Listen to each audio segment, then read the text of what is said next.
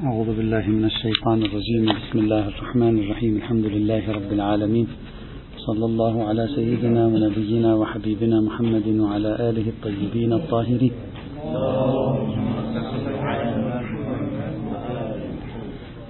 كنا نتكلم في حكم السباع وما له ناب. وذكرنا بأن الحكم الأصلي ما هو ثم بعد ذلك قلنا توجد بعض الحيوانات التي ذكرت باسمها وبعنوانها آه، تارة ألحقت بعنوان السباع تارة ألحقت بعنوان المسوخ تارة ألحقت بعنوان ما له ناب تارة ألحقت بعنوان ما له مخلب. ذكرنا الأرنب. كان يفترض قبل أن نبدأ بالحديث عن الأرنب أن نكمل البحث اللغوي في السباع. ما معنى السبع أصلا؟ لنرى المقدار الذي تدل عليه الأدلة. ثم نكمل تلك الحيوانات القليلة المتبقية التي كان. فالآن نضع عنوان السبع بفتح السين المشددة وضم الباء. السبع دراسة لغوية. ما معنى السبع في اللغة العربية حتى نفهم الروايات التي دلت على تحريم السباع؟ نفهم ما معناها أصلا. ما معنى السبع في اللغة العربية؟ سأذكر بعض العينات من المصادر المعجمية ثم نحلل تحليلا لغويا المقدار المتيقن من دلالة اللغة في إفادة كلمة السبع في اللغة العربية.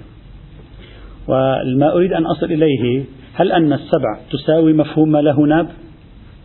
هل أن مفهوم ما له ناب يساوي مفهوم السبع؟ هل هناك عموم وخصوص من وجه بينهما؟ هل هناك عموم وخصوص مطلق بينهما؟ وكيف نفهم الروايات في ضوء التحليل اللغوي؟ قال في العين كتاب العين المنسوب للفراهيدي أحد كبار أئمة اللغة. قال السبع واحد السباع والأنثى سبعة وسبعت فلانا عند فلان إذا وقعت فيه وقيعة مضرة. سبعت زيدا عند عمرو إذا تكلمت مع عمرو عن زيد بكلام ثقيل أضر بعمر بزيد. لاحظ معي أنا الآن سأسير بالتدريج. لاحظ مفهوم السبع الآن عندما استخدم بمعنى آه، غير الحيوان أفاد نوع من العدوان. هذه خلي في بالنا هذا هو المهم بالنسبة إلينا. لاحظ وسبعت فلانا عند فلان إذا وقعت فيه وقيعة مضرة. وعبد مسبع عبد مسبع في لغة هذيل عبد مطرف. ويقال ترك حتى صار كالسبع لجرأته على الناس. يعني شخص ترك حتى صار كالسبع ما معنى هذا التعبير؟ قالوا معناه أنه لم يتربى تربية صحيحة. طفل لم تربيه تربية صحيحة فصار كالسبع مع الناس. يعني يتجرأ عليهم. شوف العدوانية مأخوذة في جذر كلمة السبع في اللغة العربية. تركناه فلم نربه تربية صحيحة فصار كالسبع مع الناس. يعني ما معنى هذا؟ قال لجرأته عليهم. يعني عنيف في لغته يعتدي على الناس يهجم على الناس. مفهوم الهجوم العدوي الافتراس مكتنز في السبعية. هذا الفراهيد وقال في المحيط في اللغة كتاب المحيط في اللغة من أكبر كتب المعاجم اللغوية العربية. سبع. سبعته أي وقعت فيه. لاحظ نفس المفاهيم عم تتكرر معنا. أي وقعت فيه. وقتلته. وذعرته. أخفته خوفا شديدا يعني. جميعا. يعني نقول سبعته وقعت فيه. أي استغبته عند أحد بما أضر به. وسبعته أي قتلته. وسبعته أي ذعرته. أخفته. إذا لاحظ كلمة السبع دائما. هذا المفهوم موجود فيها. وسبع الذئب الشاة افترسها. افتراس في اللغة العربية أنا قلت هذا الكلام سابقا أعيده. كلمة افترس في اللغة العربية لا تعني أكله افترس في اللغة العربية يعني كسر العنق. حيوان الذي يكسر العنق نقول عنه مفترس حتى لو لم يأكل من الفريسة. في جذر الاستخدام اللغوي العربي نسميه مفترس عندما تكون طريقة هجومه على الطرف الآخر كسر العنق. يعني الاعتماد على عنقه هذا نسميه افترسه في اللغة. عادة كثير من الحيوانات المفترسة آه، مثل الأسد والنمر وأمثالها تلتقط من الرقبة حتى تقطع النفس. إذا تلاحظونها تلتقط من الرقبة وتبقى ملتقطة حتى تقطع النفس بواسطة يعني ضرب منطقة العنق كلها فإذا انقطع النفس آه، انتهى.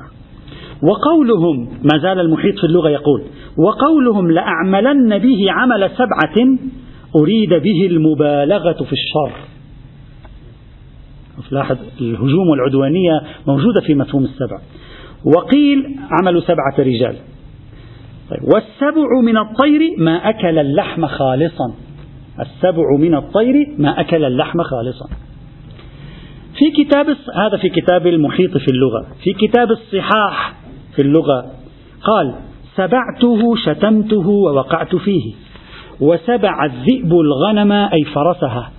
والسبع واحد السباع والسبعة اللبوءة. زوجة الأسد. لبوة يعني. ابن فارس وهو من علماء اللغة العربية الذين يرجعون جذر الاستعمالات اللغوية إلى معنى أو معنيين. ماذا قال؟ قال سبع السين والباء والعين. وهذه طريقته. السين والباء والعين. أصلان مضطردان صحيحان. يعني كلمة سبع لها جذران في المعنى. لها معنى على اليمين ولها معنى على اليسار. وهناك عشرات الاستخدامات اللغوية تنسجم مع معنى اليمين وهناك عشرات الاستخدامات اللغوية تنسجم مع معنى اليسار. ما هما؟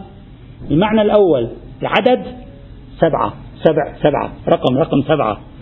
هذا المعنى الأول فتقول سبعة وتسبيع بمعنى السبع وسبعون وأسباع كثيرة. هذا معنى لا علاقة لنا فيه. المعنى الثاني قال السين والباء والعين أصلان مضطردان صحيحان أحدهما في العدد والآخر شيء من الوحوش. يتكلم عن العدد ثم يأتي إلى المعنى الثاني فيقول وأما الآخر فالسبع واحد من السباع وأرض مسبعة إذا كثر سباعها ومن الباب سبعته إذا وقعت فيه وكأنه شبه نفسه بسبع في ضرره وعضه.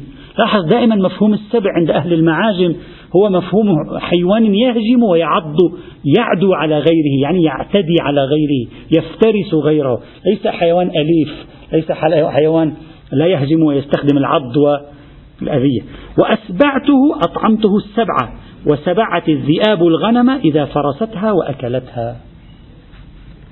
الراغب الأصفهاني أيضا نجده يقول السبع معروف وقيل سمي بذلك لتمام قوته لأنه قوي جدا يستطيع أن يهزم الفريسة وذلك إلى آخره. قال وسبع فلان فلانا اغتابه وأكل لحمه أكل السباع. يعني إجت فكرة الغيبة من السباع التي تأكل اللحوم فإذا قال سبع فلان فلانا كأنني إذا سبعت فلانا كأنني أصبحت كالسبع ماذا يفعل السبع؟ يأكل اللحم يفترس ويعض فإذا أنا أكل لحمه وأفترسه وأعضه. فدائما السبع موجود فيه مفهوم العدو. العدو ليس الركض. العدو يعني العدوان والافتراس واستخدام القوة لقتل الطرف الآخر. هذا مفهوم السبع في اللغة العربية. ابن منظور تقول السبع يقع على ما له ناب من السباع. آه هذه شوف الآن. السبع يقع على ما له ناب من السباع ويعدو على الناس والدواب فيفترسها يعني يعتدي على الناس وعلى الدواب فيفترس الناس والدواب. ابن منظور أضاف قيد قال السبع ما له ناب من السباع. واضح التعريف تسامحي. هذا ليس تعريف منطقي لأن هذا تعريف منطقي هذا تعريف واحد لا يعرف المنطق. لأن كيف تعرف السبع بما له ناب من السباع؟ هذا ليس تعريف منطقي. أهل اللغة لا يعرفون التعريف المنطقي. إياك أن تبحث في كتب اللغة المعجمية عن تعاريف منطقية. لأن في اللغة لا توجد هذه الحدود المنطقية الصارمة. حد أوسط وحد كذا وفصله. لا. يعرف لك بتعاريف تقريب للذهن. فقال ما له ناب من السبع يعني ما له ناب من الحيوانات المفترسة. ما له ناب من الحيوانات المهاجمة التي تهجم على غيرها. ومثل قال مثل الأسد والذئب والنمر والفهد وما أشبهها.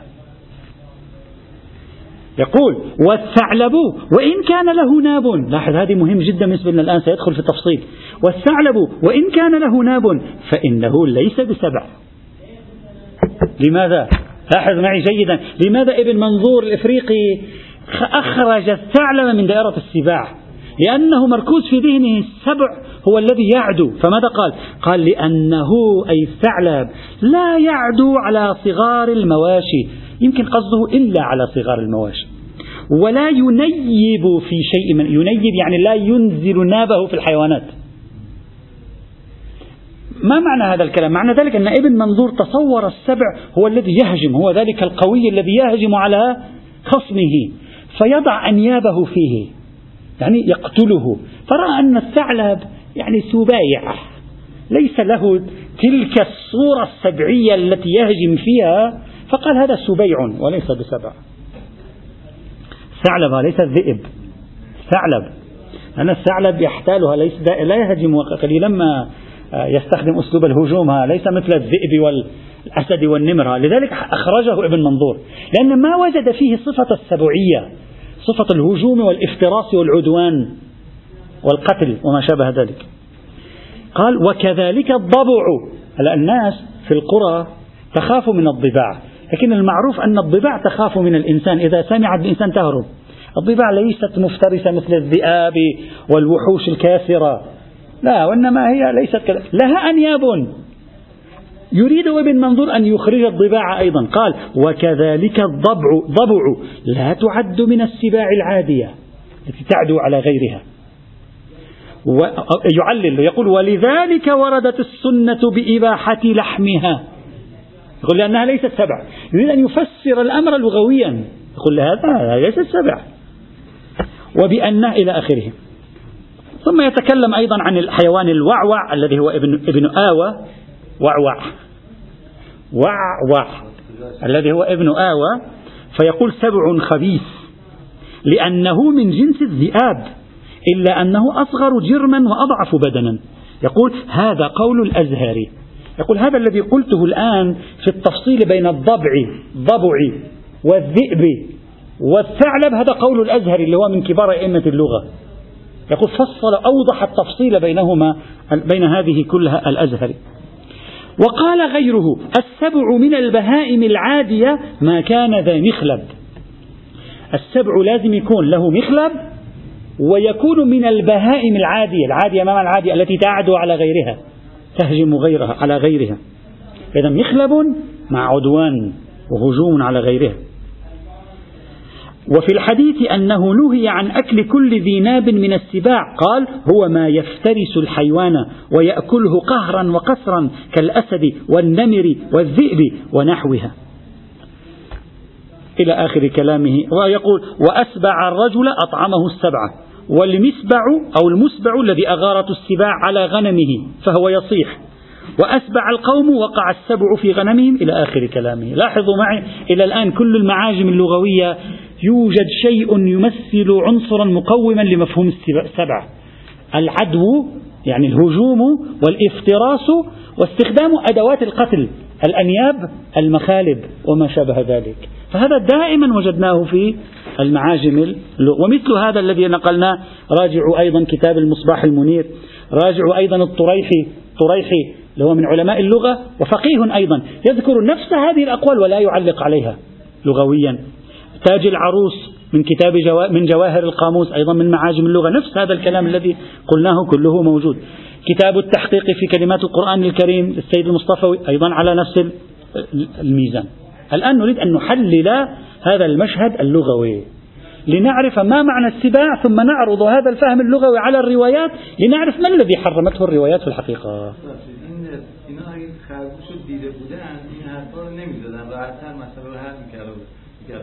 یک چیزی که گیاهخوار هست گوشتخوار هست که نمیخواد روش بحث کنی که مثلا این سبا هست یا سبا نیست؟ رو گوسفند چرا بحث نکردن که سبا هست یا سبا نیست؟ خب. خب این گیاهخوار حیوانی که گوش نمی‌خوره که نمیشه روش بحث کرد که این سبا خاره می‌کنه میشه لا بأس. أنت تتكلم عن الأرنب يعني؟ نعم نعم نعم. هذا الذي قلناه بالأمس.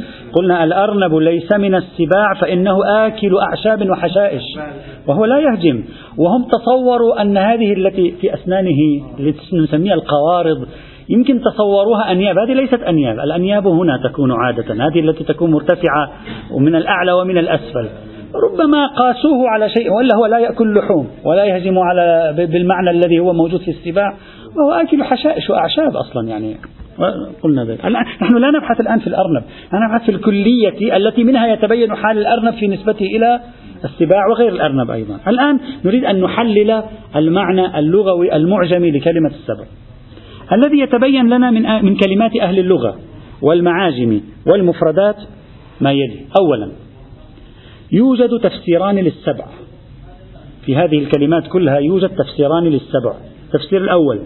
ما ذكره الأزهري الذي نقلوه عنه وهو السبع ما له ناب من السباع ويعدو على الناس والدواب يعني في خاصيتين له ناب ويعدو يعني يفترس يهجم. ما هو السبع بتعريف الأزهري؟ حيوان فيه خاصيتان الناب والإفتراس. والعدو والهجوم على على سائر الحيوانات. هذا واحد. وفقا لهذا التفسير وفقا لهذا التفسير لا يمكننا أن نجعل كل ما له ناب هو سبع. لأن الأزهري لم يقل كل ما له ناب من الحيوان فهو سبع. قال ما له ناب واتسم بصفة العدو والافتراس. إذا لا نستطيع أن أقول كل ما له ناب فهو سبع والسبع حرام. إذا الفتوى تكون ما له ناب من الحيوانات فهو حرام. فأذهب أبحث عن الأرنب هل الأرنب له ناب أو ليس له ناب؟ فيكون حراما فلم يقل ذلك. من التفسير الأول. ولذلك مثلا في القاموس المحيط في إحدى جمله ماذا قال؟ قال السبع هو المفترس من الحيوانات.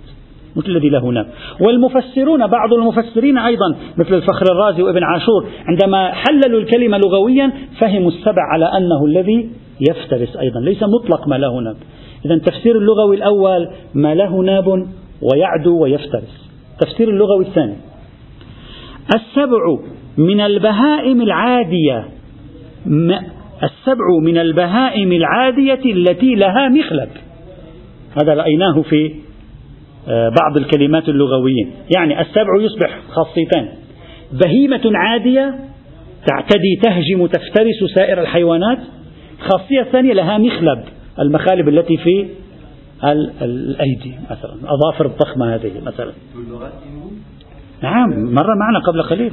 نعم نعم نعم مرة. إذا على التفسير الثاني أيضا وصف العدو والافتراس ما زال موجود في السباع. وبناء عليه هذا الذي أريد أن أصل إليه بناء عليه. لو لاحظنا تمام استخدامات الكلمة في تمام معانيها اللغوية سواء المعنى الأول أو المعنى الثاني سنجد أن صفة مشتركة موجودة عند جميع اللغويين في معنى السبع صفة العدوان والافتراس والهجوم وقتل الحيوانات الأخرى بواسطة هذه القوة التي يملكها. هذه الصفة لا يمكن أن أرفع اليد عنها. لا يمكن أن أقول لي السبع حرام والأرنب حرام لأنه من السباع. يبقى من السباع؟ كيف يكون الأرنب من السباع؟ قال لأن له ناب أو لأن له قوارض. لا. هذا عنوان ثاني. ممكن تقول لي دل الدليل على مطلق حرمة ما له ناب؟ لا بأس. لكن كونه سبع ليس بسبع. لأن جميع كلمات اللغويين تشترك في صفة عمدة في السبعية وهي العدوان والهجوم وقتل الحيوان الآخر بواسطة الافتراس وكسر الرقبة والعنق وما شابه ذلك. إذا بناء عليه. حتى الاستخدامات المجازية التي رأينا أن كلمة سبع تستخدم فيها وذكرها اللغويون كلها تشترك في صفة الهجوم. لاحظوا معي مثلا سبعت فلانا إذا وقعت فيه وقيعة مضرة. عبد مسبع هو الذي ترك حتى صار كالسبع لجرأته على الناس. سبعته وقعت فيه وقتلته وذعرته. سبع الذئب الشاة افترسها وأكلها. السبع من الطير ما أكل اللحم خالصا. سبعته وقعت فيه كأنه شبه نفسه بضرره وعضه بالسبع. المسبع الذي أغارت السباع على غنمه إلى آخره. كل هذه التعابير اللغوية تشترك في صفة العدوانية الموجودة في السبع. وعليه وصف الافتراس ووصف العدوان ووصف القتل والاعتداء بواسطة القوة لا يمكن فكه عن عنوان السبعية في اللغة العربية. هذا أساسي في هذا وهذا يعني أن تعريف بعض الفقهاء للسبع بأن ما له ناب ليس تعريفا لغويا. ربما يكون له تأثير فقهي لكنه ليس تعريفا لغويا. فالصحيح أن يقولوا السبع هو العادي من الحيوانات الذي له ناب أو مخلب. لا كل ما له ناب أو مخلب فهو سبع. ولذلك الإنسان له أنياب بمعنى من المعاني. لكن لا نقول السباع لسنا من السباع الحيوانات. هذه طبعا من باب تقريب الفكرة إلى الذهن لا أستدل. أنا نعم نعم. طيب بل تفضل مولانا أوه. أوه. مثل. مثل مثل. حيوان من طبعه أنه يفترس يهجم ومش يدافع عن نفسه مش يدافع عن نفسه. يفترس ويهجم ويقتل الطرف الآخر وما لا يسمى مثل لا لا. سمك القرش. هو سمك القرش. كيف؟ هو. هو. نعم هذا سباع البحر. إحنا نتكلم في سباع البر حاليا. الجسر أيضا سبع. خب الكلب سيأتي بحثه منفصلا. لماذا لا يعد سبعا؟ في اللغة العربية الكلب سبع إذا كان من نوع الكلاب التي تهجم وتفترس. إذا كان من نوع الكلاب التي تهجم وتفترس. لا من نوع إذا كلب لأن الكلاب أنواع الآن. لا نريد أن نحكم على جميع الكلاب. بعض الكلاب ليس كذلك. نعم لا يصدق عليها هذا العنوان. لكن بعض الكلاب نعم مفترسة وتهجم وتعدو. فتقال في اللغة العربية سبع اللغة العربية ببابنا. نحن الآن عرفنا يجب أن نقومه على اللغة العربية. إذا فرضنا العرف يختلف. هذه سباع. جميع علماء اللغة أجمعوا على هذه الصفات في السبع.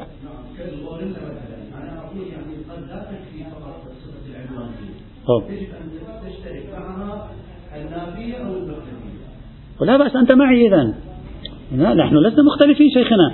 أنا إشكالي ليس على الف... بالعكس هذا النتيجة التي أصل إليها هذه. الشيء الذي النتيجة الفقهية الشيء الذي الآن نشكل عليه تعريف السبع بأن ما له ناب. هذا الذي نشكل عليه. نقول ليس كل حيوان له ناب وسبع في اللغة العربية. هذا فقط لن وإذا كان فقيه اختار حرمة مطلق ما له ناب فإن كان اختياره عن تحليل لغوي فتحليل لغوي صحيح آه، باطل. وإن كان اختياره عن دليل فقهي خاص بحث آخر. مثل صحيحة سماعة يجي معنا بحثه. وعليه. بلي لا ليس مجازي هذا حقيقي. لكن نحن نستخدم كلمة السبع عادة. نحن الطير نستخدم كلمة الكواسر سباع هذه. تسبع غيرها نعم بهذا المعنى.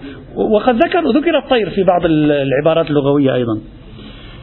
ولعله من هنا إخواني الأعزاء أرجو أن ننتبه جيدا. لعله من هنا نفهم الرواية التي تكررت في التعبير الذي تكرر في كثير من الروايات الموجودة في بحث السباع عند السنة والشيعة. ماذا قالت؟ ما له ناب من السباع. حرم رسول الله صلى الله عليه وعلى آله وسلم ما له ناب من السباع. هذا التعبير تقييد من جهتين. يعني ليس كل ما له ناب حرام ليس كل ما هو سبع حرام إنما الذي له ناب من السباع حرام. بقرينة وما له مخلب من الطير. ليس كل ما له مخلب حرام بل لابد أن يكون طير وليس كل طير حرام بل لابد أن يكون له مخلب. فإذا الرواية التي استخدمت كلمة ما له ناب من السباع ومخلب من الطير من الممكن جدا بناء على هذا التحليل اللغوي. أن تكون تريد في الحقيقة تضييق الدائرة. يعني تريد أن تقول لا السباع كلها حرام لا ما له ناب كله حرام. لا الطيور كلها حرام لا ما مطلق ما له مخلب حرام. إنما ما له ناب من السباع حرام وما له مخلب من الطيور حرام. فإذا حصة أضيق من عنوان الناب ومن عنوان السباع. حصة أضيق من عنوان المخلبية ومن عنوان الطائر. وهذا يؤكد أنه ليس السبع ما ساوى ما له ناب بل بينهما عموم وخصوص من وجه ربما يكون في بعض الأحيان. الرواية تكررت كثيرا أنها رسول أو حرم رسول الله صلى الله عليه وسلم كل ذي ناب من السباع ومخلب من الطير. الرواية الأولى صيحة داود بن فرقد التي وردت أيضا في الصحاح السنية. هذا التعبير الأكثر شهرة. فهذا التعبير حينئذ بناء على هذا التفسير اللغوي يكون تقييد في تقييد يعني تقييد من طرفين. تقييد الناب بأن يكون سبعيا وتقييد السبع بأن يكون نابيا. والناب هنا النابة ليس الناب الفارسية اگه ما به این نتیجه رسیدیم که هر حیوانی که له لا هل لم نقل ذلك؟ لا لا. قلنا ممكن يكون له مثلا سبع يكون لنفرض لنفرض الآن أنا لا لست عالم حيوانات آه، عالم حيوان. ولكن لنفرض بحسب أنا أتكلم الآن لغة لكن لنفرض أن هناك حيوان يعتمد آه، مثلا مخالبه في القتل والافتراس ولنفرض ليس له أنا لا أدري أنواع الحيوانات كثيرة. لا, لا الناب ليس السن. الناب غير السن. الناب هو هذه الفك في اللغة العربية يقسم أقسام كثيرة. الأضراس الأنياب القوارض إلى آخره. الناب خصوص السنين اللذين يأتيان بعد هذه التي في الوسط ويكونان أطول. ومن ال من ال من ال الأسفل أيضا يكون أعلى. هذا نسميه الأنياب في اللغة العربية. وليس الناب يعني مطلق ما له السن. لا هذا واضح. والنتيجة بناء على هذا التحليل اللغوي ليس تحريم كل سبع ولا تحريم كل ما له ناب بل تحريم الحيوان المفترس الذي يعدو على غيره وله مخلب أو ناب. هذا الذي ينبغي أن يكون بحسب ما تعطيه اللغة. الآن هذا اللغة. نجي الآن للروايات في ضوء هذا التحليل اللغوي. وننظر في طوائف الروايات سنرى الروايات على مجموعتين. نفس الروايات التي مرت سابقا الآن سنقرأها قراءة جديدة. سنجعلها على مجموعتين. المجموعة الأولى ما نجده يصادم هذه النتيجة من حيث النتيجة الفقهية. والمجموعة الثانية يؤيد هذه النتيجة. أما ما يصادم هذه النتيجة ثلاث روايات. وهي صحيحة سماع بن مهران. ماذا قالت صحيحة سماع بن مهران؟ إذا تذكرون حرمت كل ما له ناب وكل ما هو سبع ولو ليس له ناب. إذا تذكرون سأله السائل قال له كل ما له ناب من الوحش. فقال له السائل كنا نسمع كل ما له ناب من السباع. فقال له الإمام لا السباع كلها حرام. صحيح السماع ماذا تعطي تعطي كل ما له ناب من الوحش. الوحش يعني حيوان غير أهلي حيوانات وحشية برية يعني. كل ما له ناب حرام. وكل سبع حرام. صحيح السماع مهران تعطيني نتيجة جديدة غير النتيجة التي توصلنا إليها حتى الآن. تعطيني تحريم كل ما له ناب وكل سبع ولو ليس له ناب. كل ما له ناب ولو لم يكن سبعا وكل ما سبع ولو لم يكن له ناب. وهذا معناه توسعة الحكم بشكل كبير نسبة للنتيجة التي توصلنا إليها. إذن صحيح السماع بن مهران. أيضا رواية محمد بن سنان اللي هي الرواية رقم تسعة من روايات السباع التي مرت معنا. قالت الأرنب حرام عللت لأن له مخلب. وهذا كاشف عن أن المخلبية عنوان مستقل حتى لو لم يكن سبعا. الأرنب لا يفترس غيره الأرانب لا تفترس. لكن المخلبية كأنما كانت علة مستقلة. فصار السبع حرام وصارت المخلبية أيضا عنوانا للتحريم. الرواية الثالثة هنا خبر ابن أبي يعفور في الخز. قال له كلب الماء حرام؟ إذا كان له ناب. فالنابية أخذت مدارا للحكم وليس السبعية أخذت مدارا للحكم حينئذ. إذا عندنا ثلاث روايات تعطي نتيجة. تحريم السباع تحريم ما له ناب ومخلب. وهذه توسع الحكم. ثلاث روايات. واحدة صحيحة الإسناد اثنين ضعيفة من حيث الإسناد. طيب هذه مجموعة. مجموعة ثانية على عكسها وتعارضها. وهي أغلب الروايات التي مرت معنا سابقا. استخدمت عنوان كل ذي ناب من السباع. يعني عكس تماما ما قالته صيحة سماعة يعني تعارض صيحة سماعة صيحة سماعة تقول لا السباع كلها حرام ليس كل ما له ناب فقط. بينما هذه تقول كل ما له ناب. يعني تعارضها من حيث السعة والضيق. أتكلم أقصد بالمعارضة من حيث السعة والضيق. تلك تقدم عنوان ما له ناب من السباع. تلك تقدم عنوان السباع كلها حرام ولو لم يكن لها ناب. وعنوان ما له ناب منصب على الوحش لا على السباع. إذا في في اضطراب ما بين صيحة سماعة وبين سائر الروايات. هذه الروايات هي خبر داود بن فرقد الذي يصحح مصحح. هو الرواية الأولى من رواية السباع. خبر محمد بن سنان هو الرواية رقم خمسة من, من تلك الروايات أيضا. خبر الفضل بن شاذان في رسالة الرضا إلى المأمون. الرواية السادسة من روايات السباع. حديث شرائع الدين الذي رواه الأعمش الرواية السابعة من روايات السباع. حديث الأربعمائة الرواية الثامنة من روايات السباع. إذا عندنا خمس روايات. بعضها صحيح من حيث الإسناد واحد منها صحيح من حيث الإسناد أربعة تؤيده. تعطي مفهوما عن الحكم يختلف عن مفهوم المجموعة الأولى. يعني بينهما تداخل واختلاف في هذا المقام. هذه كلها كررت عنوان ما له ناب من السباع. بينما صحيحة سماعة ما له ناب من الوحش ورفضت عنوان كل ما له ناب من السباع.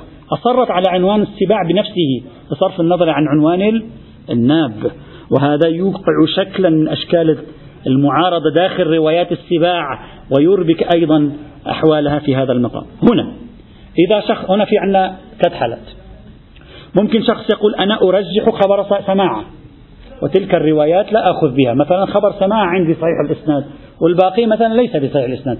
إذا كان هذا قوله فيلزمه في مثل هذه الحال أن يقول بتحريم كل ما له ناب ولو لم يكن سبعا وكل ما هو سبع ولو لم يكن نابا. أما تحريم ما له مخلب وليس بسبع وليس له ناب فلم يثبت إلا برواية ضعيفة وهي خبر محمد بن سنان الضعيف الإسناد. نعم المخلب ورد في الطير. نتكلم الآن عن حيوان البر. المخلب ورد في الطير. أما المخلب محورية المخلب في الحيوانات البرية لا وجود له إلا في رواية واحدة ضعيفة الإسناد. فإذا شخص أخذ بصيحة سماعة يحرم كل ما له ناب من حيوان البر وكل سباع من حيوان البر حينئذ. أما عنوان المخلبية في حيوان البر فلا يثبت عنده. بلي الوحش يعني المقابل الأهلي لا الوحش المتوحش. إيه نعم مقصودنا البر غير الأهلي لأن إحنا قسمنا البحث في الأصل إلى حيوانات أهلية حيوانات وحشية. نعم البر يعني نعم يعني أحسنتم نعم. نعم صحيح. طيب. أما إذا شخص قال لا أنا صيحة سماعة تعارض روايات كثيرة متعددة ومنها صحيحة داود بن فرقد التي مثلا هي متعددة الأسانيد وتعضدها صحاح موجودة أيضا عند أهل السنة بنفس التعبير وتعضدها أربع روايات ضعيفة فأنا أقدمها مثلا على صحيحة سماعة إذا كان كذلك فلا بد أن يقول بتحريم كل حيوان مفترس يعدو على غيره ويكون له ناب فقط. هذا اثنين. وأما إذا شخص قال أنا لا أعرف هم هذه فيها روايات صحيحة؟ وهم هذه فيها روايات صحيحة والأمر ملتبس حينئذ فلا أعرف ما هو المقدار. التبس الأمر علي لا أستطيع أن أرجح فيأخذ بالقدر المتيقن في مثل هذه الحال. والقدر المتيقن ما بين مجموع الروايات هو الحيوان السبعي المفترس الذي له ناب. هذا قدر متيقن حرام. جميع الروايات تحرمه. أما غيره فهو محل تضارب بين الروايات بين صيحة سماعة وصيحة داود بن فرقد.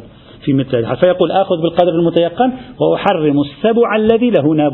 أما غيره فلا يكون حرام هذا على معيار حجية خبر الواحد الثقة. أما على معيار حجية الخبر الموثوق الذي ينظر إلى مجموع الروايات في الباب ويأخذ الموثوق بصدوره منها فالمقدار الموثوق بصدوره هو الحيوان المفترس الذي يعدو على غيره وله ناب. أما غيره فليس موثوقا بصدوره بعد وجود مثل أشكال التعارض هذه بين الروايات. والنتيجة؟ الأصح بناء على حرمة السباع. إذا قلنا بحرمة السباع الأصح في اللغة وفي مقاربة الروايات خاصة على مسلك الوثوق بالصدور أن نقول الحرام كل حيوان وحشي مفترس يعدو على غيره ويكون له ناب. هذا المقدار المتغيره يحتاج إلى دليل. وقتی ما به این جمله نگاه می‌کنیم مالهون من السبب آیا برای رفع تعارض فقط آیا میشه فهمید که امام می‌خواد بگه مالهون مالهون من سبب؟ یعنی هر حیوانی که لهون از جمله سبات یعنی حکمش ملحق به سبات نه آیا در زبان عربی میشه از این جمله این مطلب رو فهمید؟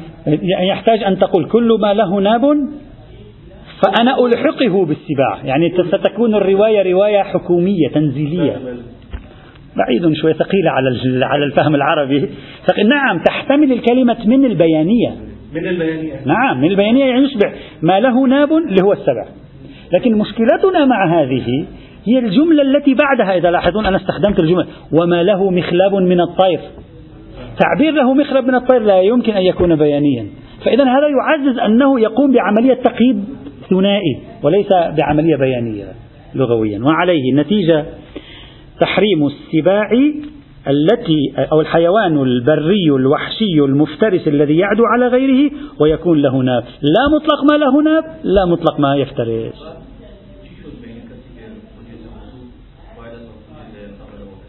ممكن يكون قائل بحجية خبر الواحد ويرجح الطائفة الأولى على الثانية. صحيحة سماعة نعم. قلنا بناء حجية خبر الواحد يمكن أن يختار الإنسان ثلاثة مسالك. إما أن يرجح الطائفة الأولى على الثانية ويقول مثلا صيحة سماعة أنا أرجحها لأن لها نظر مثلا فحينئذ يترتب صيحة سماعة. أو يرجح الطائفة الثانية لكثرتها تعدد طرقها مثلا فيقول حينئذ بتحريم خصوص السباع من الوحش السباع التي لها نب وإما أن يقع التعارض عنده يرى أنني مثلا الروايات لا لا أعرف لا أستطيع أن أجمع بينها فيذهب إلى القدر المتيقن. أما الذي يسلك مسلك الوثوق عليه فقط أن يأخذ بالقدر المتيقن. والقدر المتيقن هنا على كل التقادير هو عبارة عن ما له ناب من السباع أما غيره صعب أن يصير قدر متيقن لأن الروايات متضاربة فيه نسبيا بهذا المعنى. هذه النتيجة المتعلقة ببحث السباع على المستوى وعليه فما ذكره بعض الفقهاء من تحريم مطلق ما له ناب أو تحريم مطلق السبع حينئذ دليله يكون مبنيا على ترجيح إما صيحة سماعة أو ما شابه ذلك.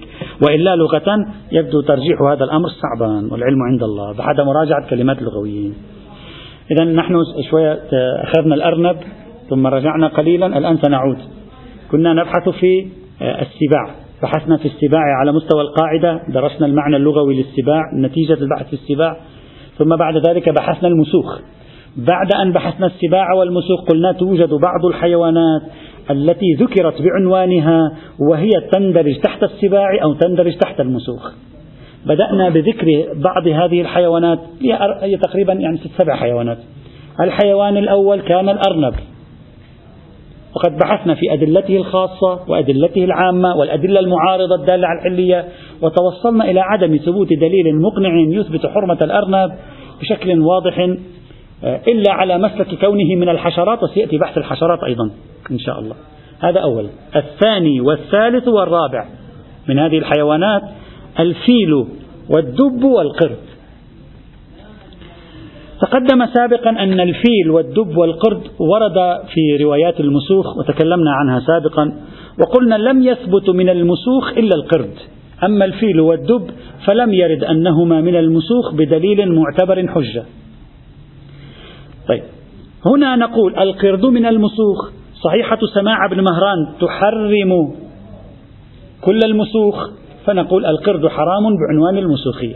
لكن ورد في هذه الثلاثة الفيل والدب والقرد وردت رواية ذكرتها بعنوانها وهي عبارة عن ما أورده العياشي عن وهب بن وهب عن جعفر بن محمد عن أبيه أن عليا عليه السلام سئل عن أكل لحم الفيل والدب والقرد, والقرد فقال ليس هذا من بهيمة الأنعام التي تؤكل. هذه الرواية لم نعثر عليها إلا في كتاب تفسير العياش. هذه الرواية من حيث الإسناد أمرها واضح فإنها ضعيفة بالإرسال الشديد.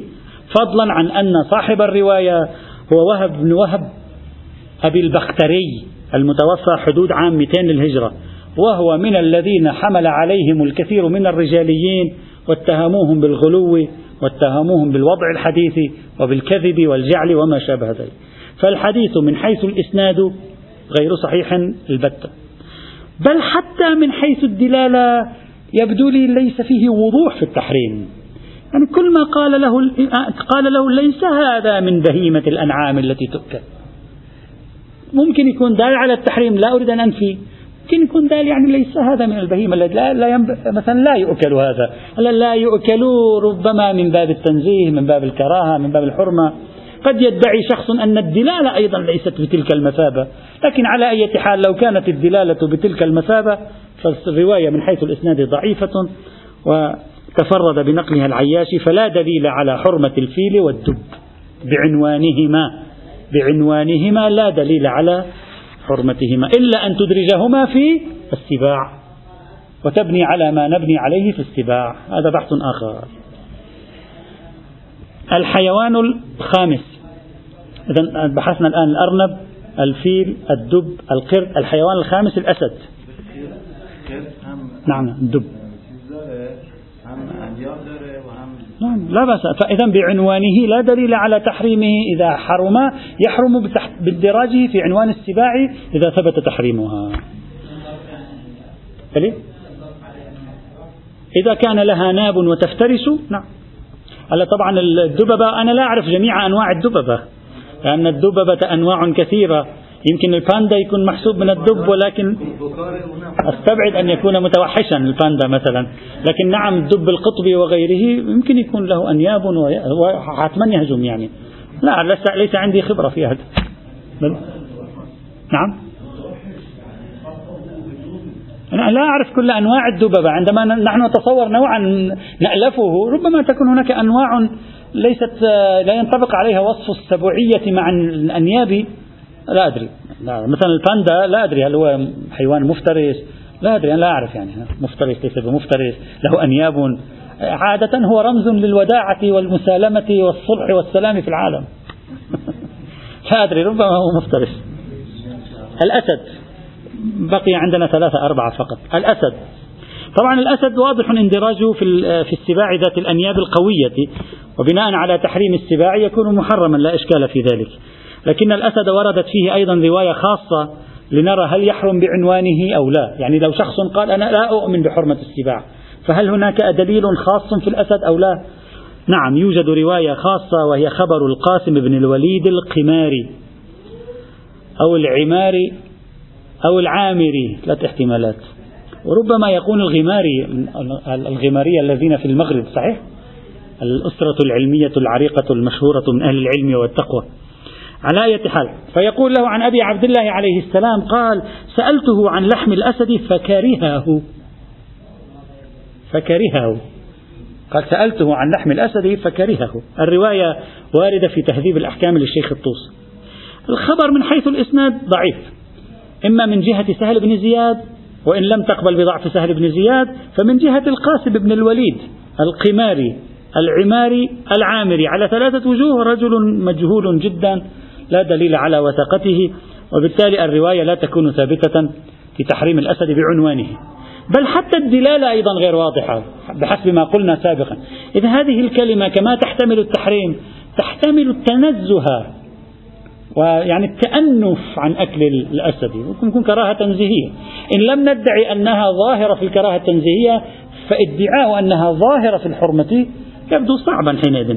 فليس بأيدينا رواية صحيحة السند معتبرة تثبت لنا حرمة الأسد بعنوانه فتحريم الأسد مبني على اندراجه ضمن الحيوانات السبعية التي لها أنياب بمثل هذه الحال. طيب. الحيوان الآخر لا بأس. بضم تلك نحن نبحث الآن في هذه الحيوانات بعنوانها. نعم.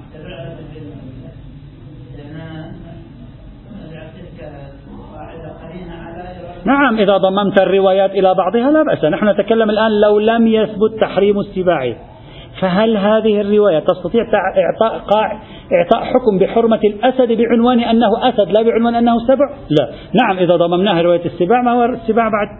يصبح أمرها سهلا. واضح هذا. بقي عندنا الضبع هذا أيضا فيه فيه كلام موضوع الضبع. وحيوانين آخرين مختصرين غدا إن شاء الله نتكلم عنهما. لننتقل إلى الحشرات.